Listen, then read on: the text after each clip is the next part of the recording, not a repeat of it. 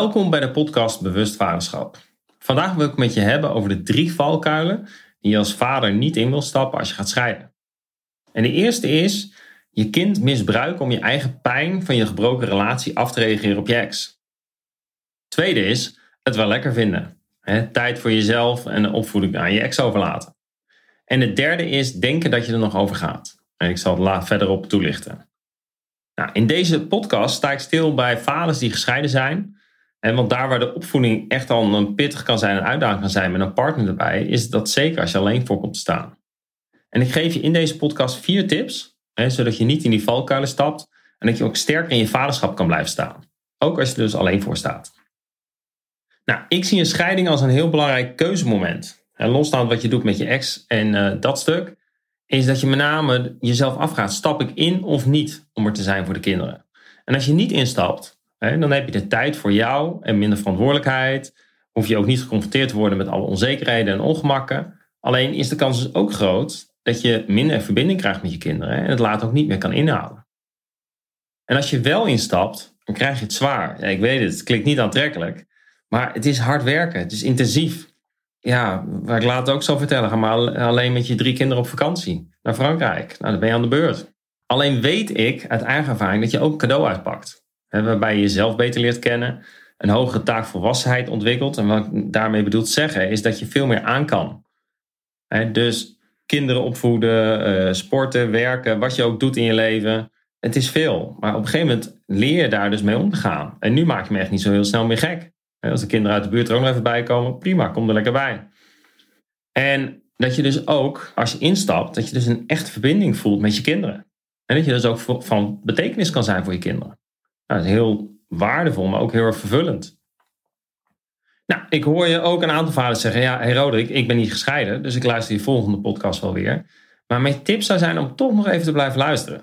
Want er zijn zaken die voorbij komen, zijn bijvoorbeeld je energie hoog houden, goed voor jezelf zorgen, hoe om te gaan met waardebotsingen met je ex-partner en natuurlijk ook het verbinding maken met kinderen. Hoe je dat doet. Nou, wat ik deel speelt vaak ook binnen de relatie dus ook waardebotsingen spelen binnen een relatie. Dus de handvaten kan je daar ook toepassen. Nou, als je kijkt naar de cijfers, 40% van alle huwelijken eindigen in een echtscheiding. En de gemiddelde leeftijd waarop mannen scheiden is 48 en vrouwen 44. En met alle gevolgen van dien. Want ik begeleid regelmatig ouders die willen gaan scheiden of gescheiden zijn. En de reden kunnen natuurlijk verschillen. De relatie is te voorspelbaar geworden. En de partner, uh, ja, die vindt het dan wat saai. Die denkt, ik ben wel een beetje op zoek naar variatie en die gaat vreemd. Het kan ook zijn dat een van de twee verslaafd is. Dat de een bijvoorbeeld constant aan het werken is. Of met zijn hobby bezig is. Of aan de alcohol is. Het kunnen allemaal manieren van verslaving zijn. Waardoor de partner niet meer op één komt staan. En er een scheiding komt. Maar ook kan het zijn dat de relatie niet meer sterk genoeg is om het probleem met de kinderen te boven te komen. Dat kan ook. En dan zijn er natuurlijk nog veel meer redenen. Dan de manier van scheiden helaas hoor ik echt te vaak dat er sprake is van vechtscheiding. Met alle negatieve effecten van die. Hè, op, de, op de partner, op jezelf, op de kinderen. En zo hoorde ik ook een verhaal van uh, een stel die uit elkaar ging. Daar ging het om heel veel geld en ook uh, auto's. En um, toen stond die moeder met haar dochter op de oprit bij de auto's. En zei ze van ja, nou ja, je vader heeft de rechtszaak gewonnen. Dus de auto's gaan naar je, naar je vader toe. Alleen de rechter heeft niet gezegd hoe. Dus ze pakt een sleutel en krast zo alle auto's kapot. Nou, je kan je voorstellen wat daar de impact van is op haar dochter. Nou, ik hoor ook genoeg voorbeelden waarbij het heel soepel gaat en een goede harmonie. Wat natuurlijk echt heel fijn is voor alle partijen. En hoe fijn is dat voor kinderen als ouders, als ze zien dat ouders gewoon op een goede manier uit elkaar kunnen gaan. Daarnaast is het ook een dooddoener, maar met kinderen ben je niet echt gescheiden. Dat heb ik ook zelf zo ervaren. Dus door je kinderen blijf je elkaar dus regelmatig zien. Met alle pijn en frustratie die erbij, ja, erbij hoort, zeker in het begin terwijl als je geen kinderen hebt, hoef je elkaar niet meer te zien. Kan je ook echt uit elkaar.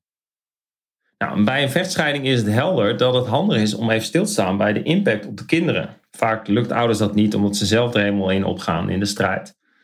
Maar ook als het soepel verloopt, zou ik regelmatig even inchecken bij je kinderen en met name het ook ondertitelen en wat er gebeurt. En wat ik hiermee bedoel is dat kinderen willen onbewust heel loyaal blijven aan beide ouders. En vaak op gevoelsniveau komen ze in de squeeze. Vaak heel subtiel. Ook als het goed gaat, als ouders goed uit elkaar gaan, kan je je kinderen heel makkelijk gebruiken om je eigen pijnen uit de relatie op de ander te projecteren.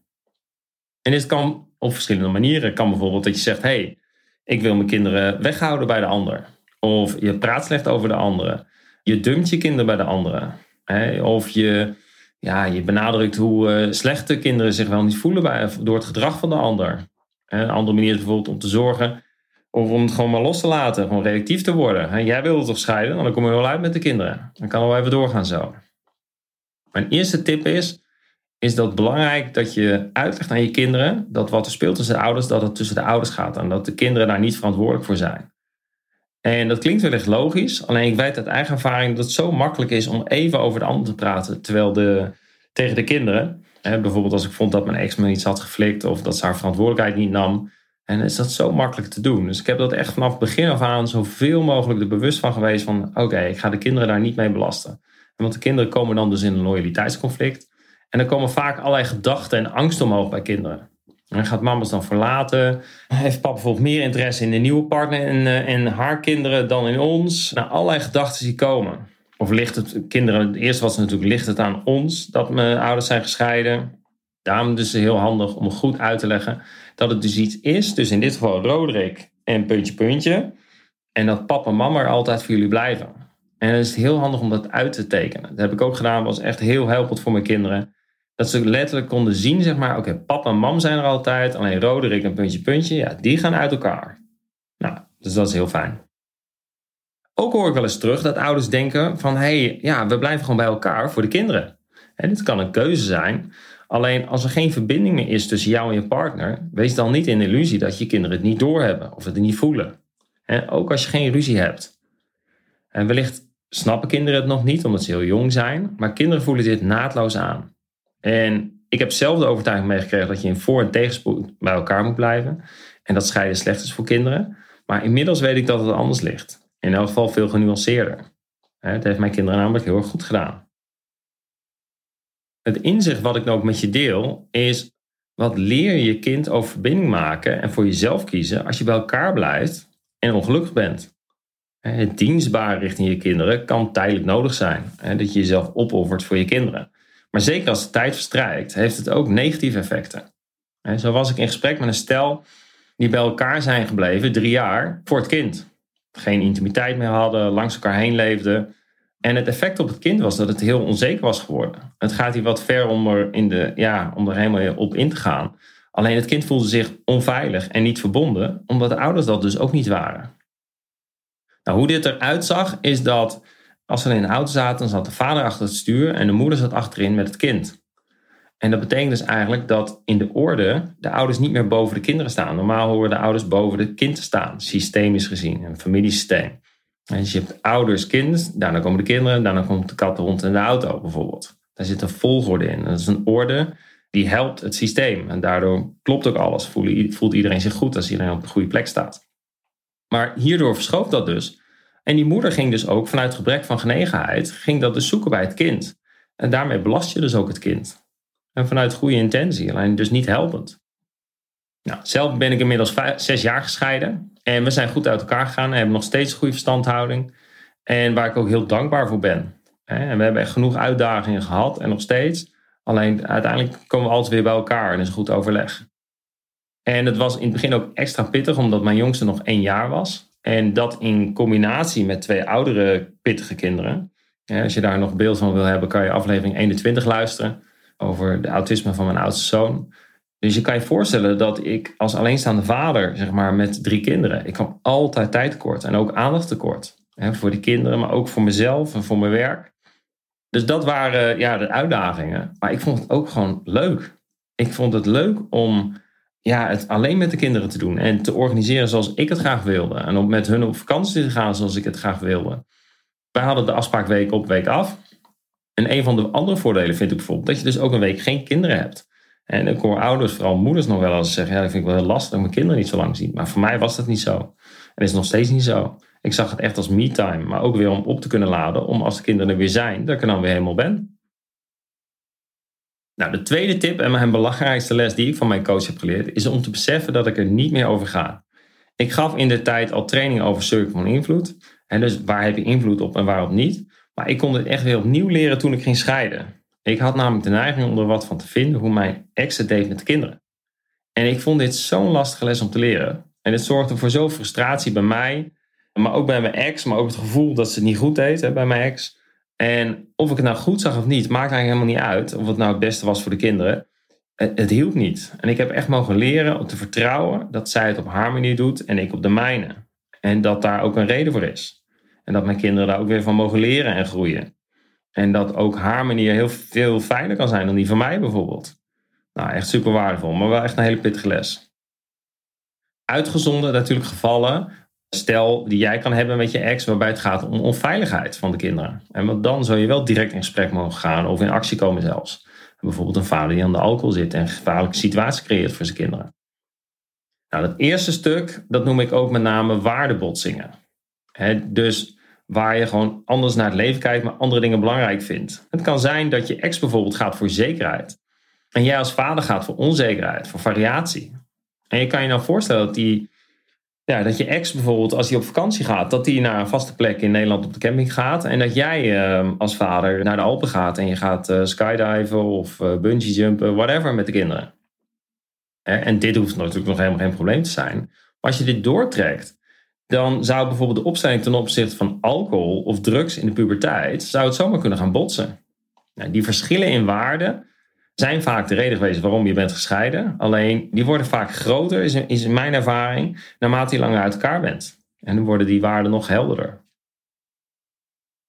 Ik spreek natuurlijk veel vaders en moeders en dan hoor ik ook regelmatig terug dat vaders de kinderen minder vaak zien. dus eens in de twee weken een weekend en dan vooral uh, leuke dingen met ze doen en ze gaan verwennen.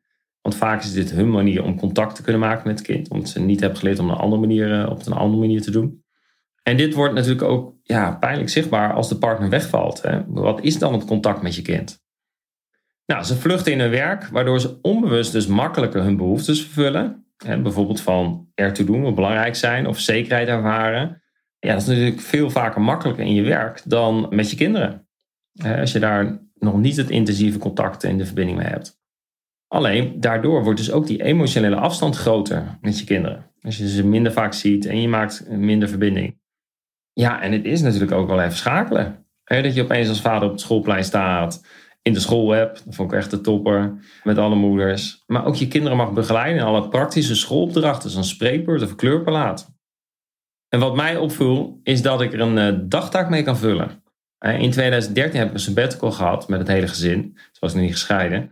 En ik wilde graag wat meer voor de kinderen zijn. Maar het, het viel me op, ik, ik, er gewoon, ik kon er de hele dag mee bezig zijn. En dat veranderde natuurlijk ook, of het gebeurde natuurlijk ook toen ik ging scheiden. Er is zoveel te doen.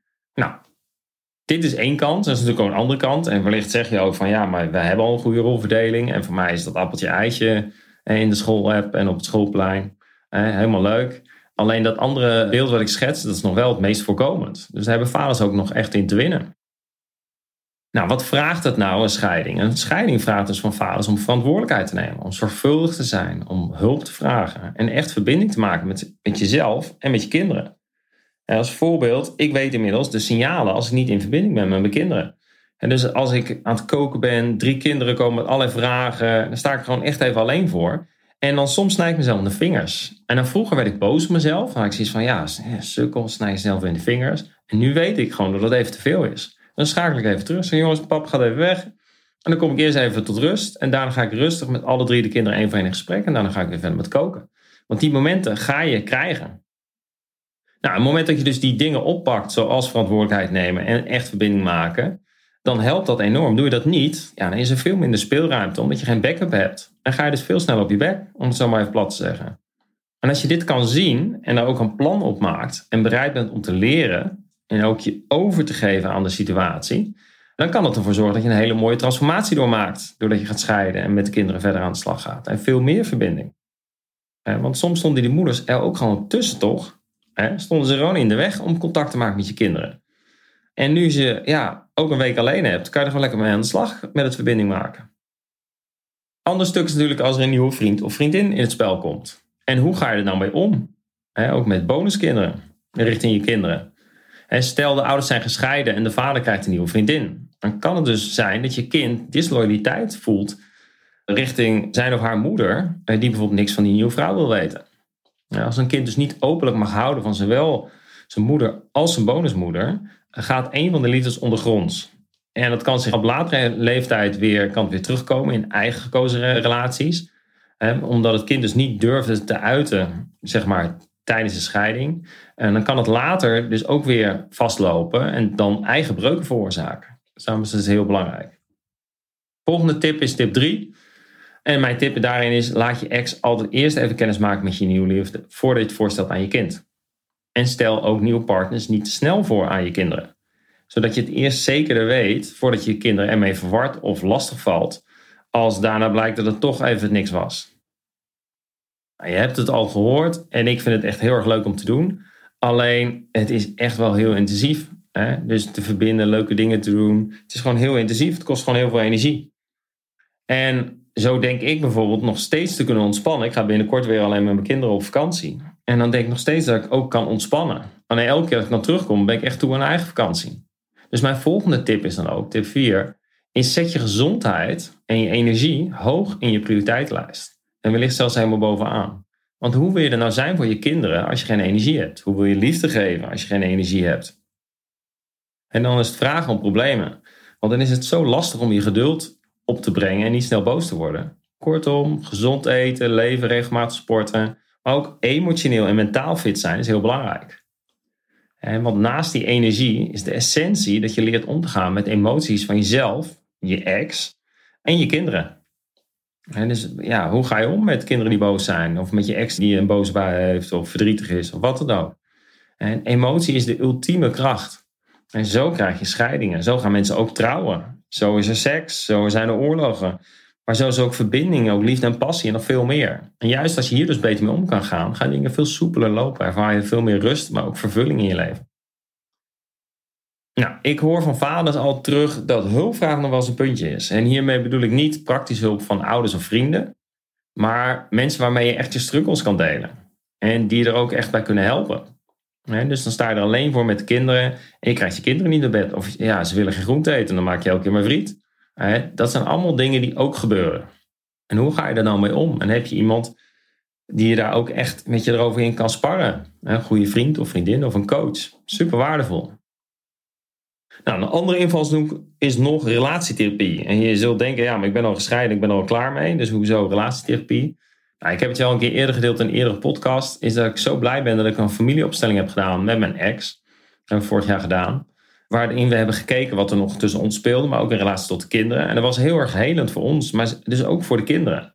Dus door te blijven investeren in persoonlijke ontwikkeling voor jezelf en met je ex, help je je kinderen. En dat voorkomt dus ook vooral dat je kinderen niet later op een niet helpende manier dezelfde relatie aangaan. Dat kan je dan ook doorbreken. Nou, we zijn aan het einde gekomen van deze podcast en ik ben benieuwd, waar sta jij nu? Dus in je relatie, wil je scheiden? Ben je al gescheiden? Of ben je helemaal gelukkig? Kan natuurlijk ook. En heb je besloten om in te stappen? En weet je nog, stap je in voor je kinderen? Ga je ervoor? Of doe je het er een beetje bij?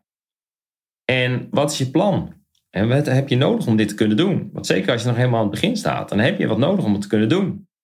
Vaak heb je het niet geleerd. ik had het niet geleerd. Nou, ik hoor graag van je.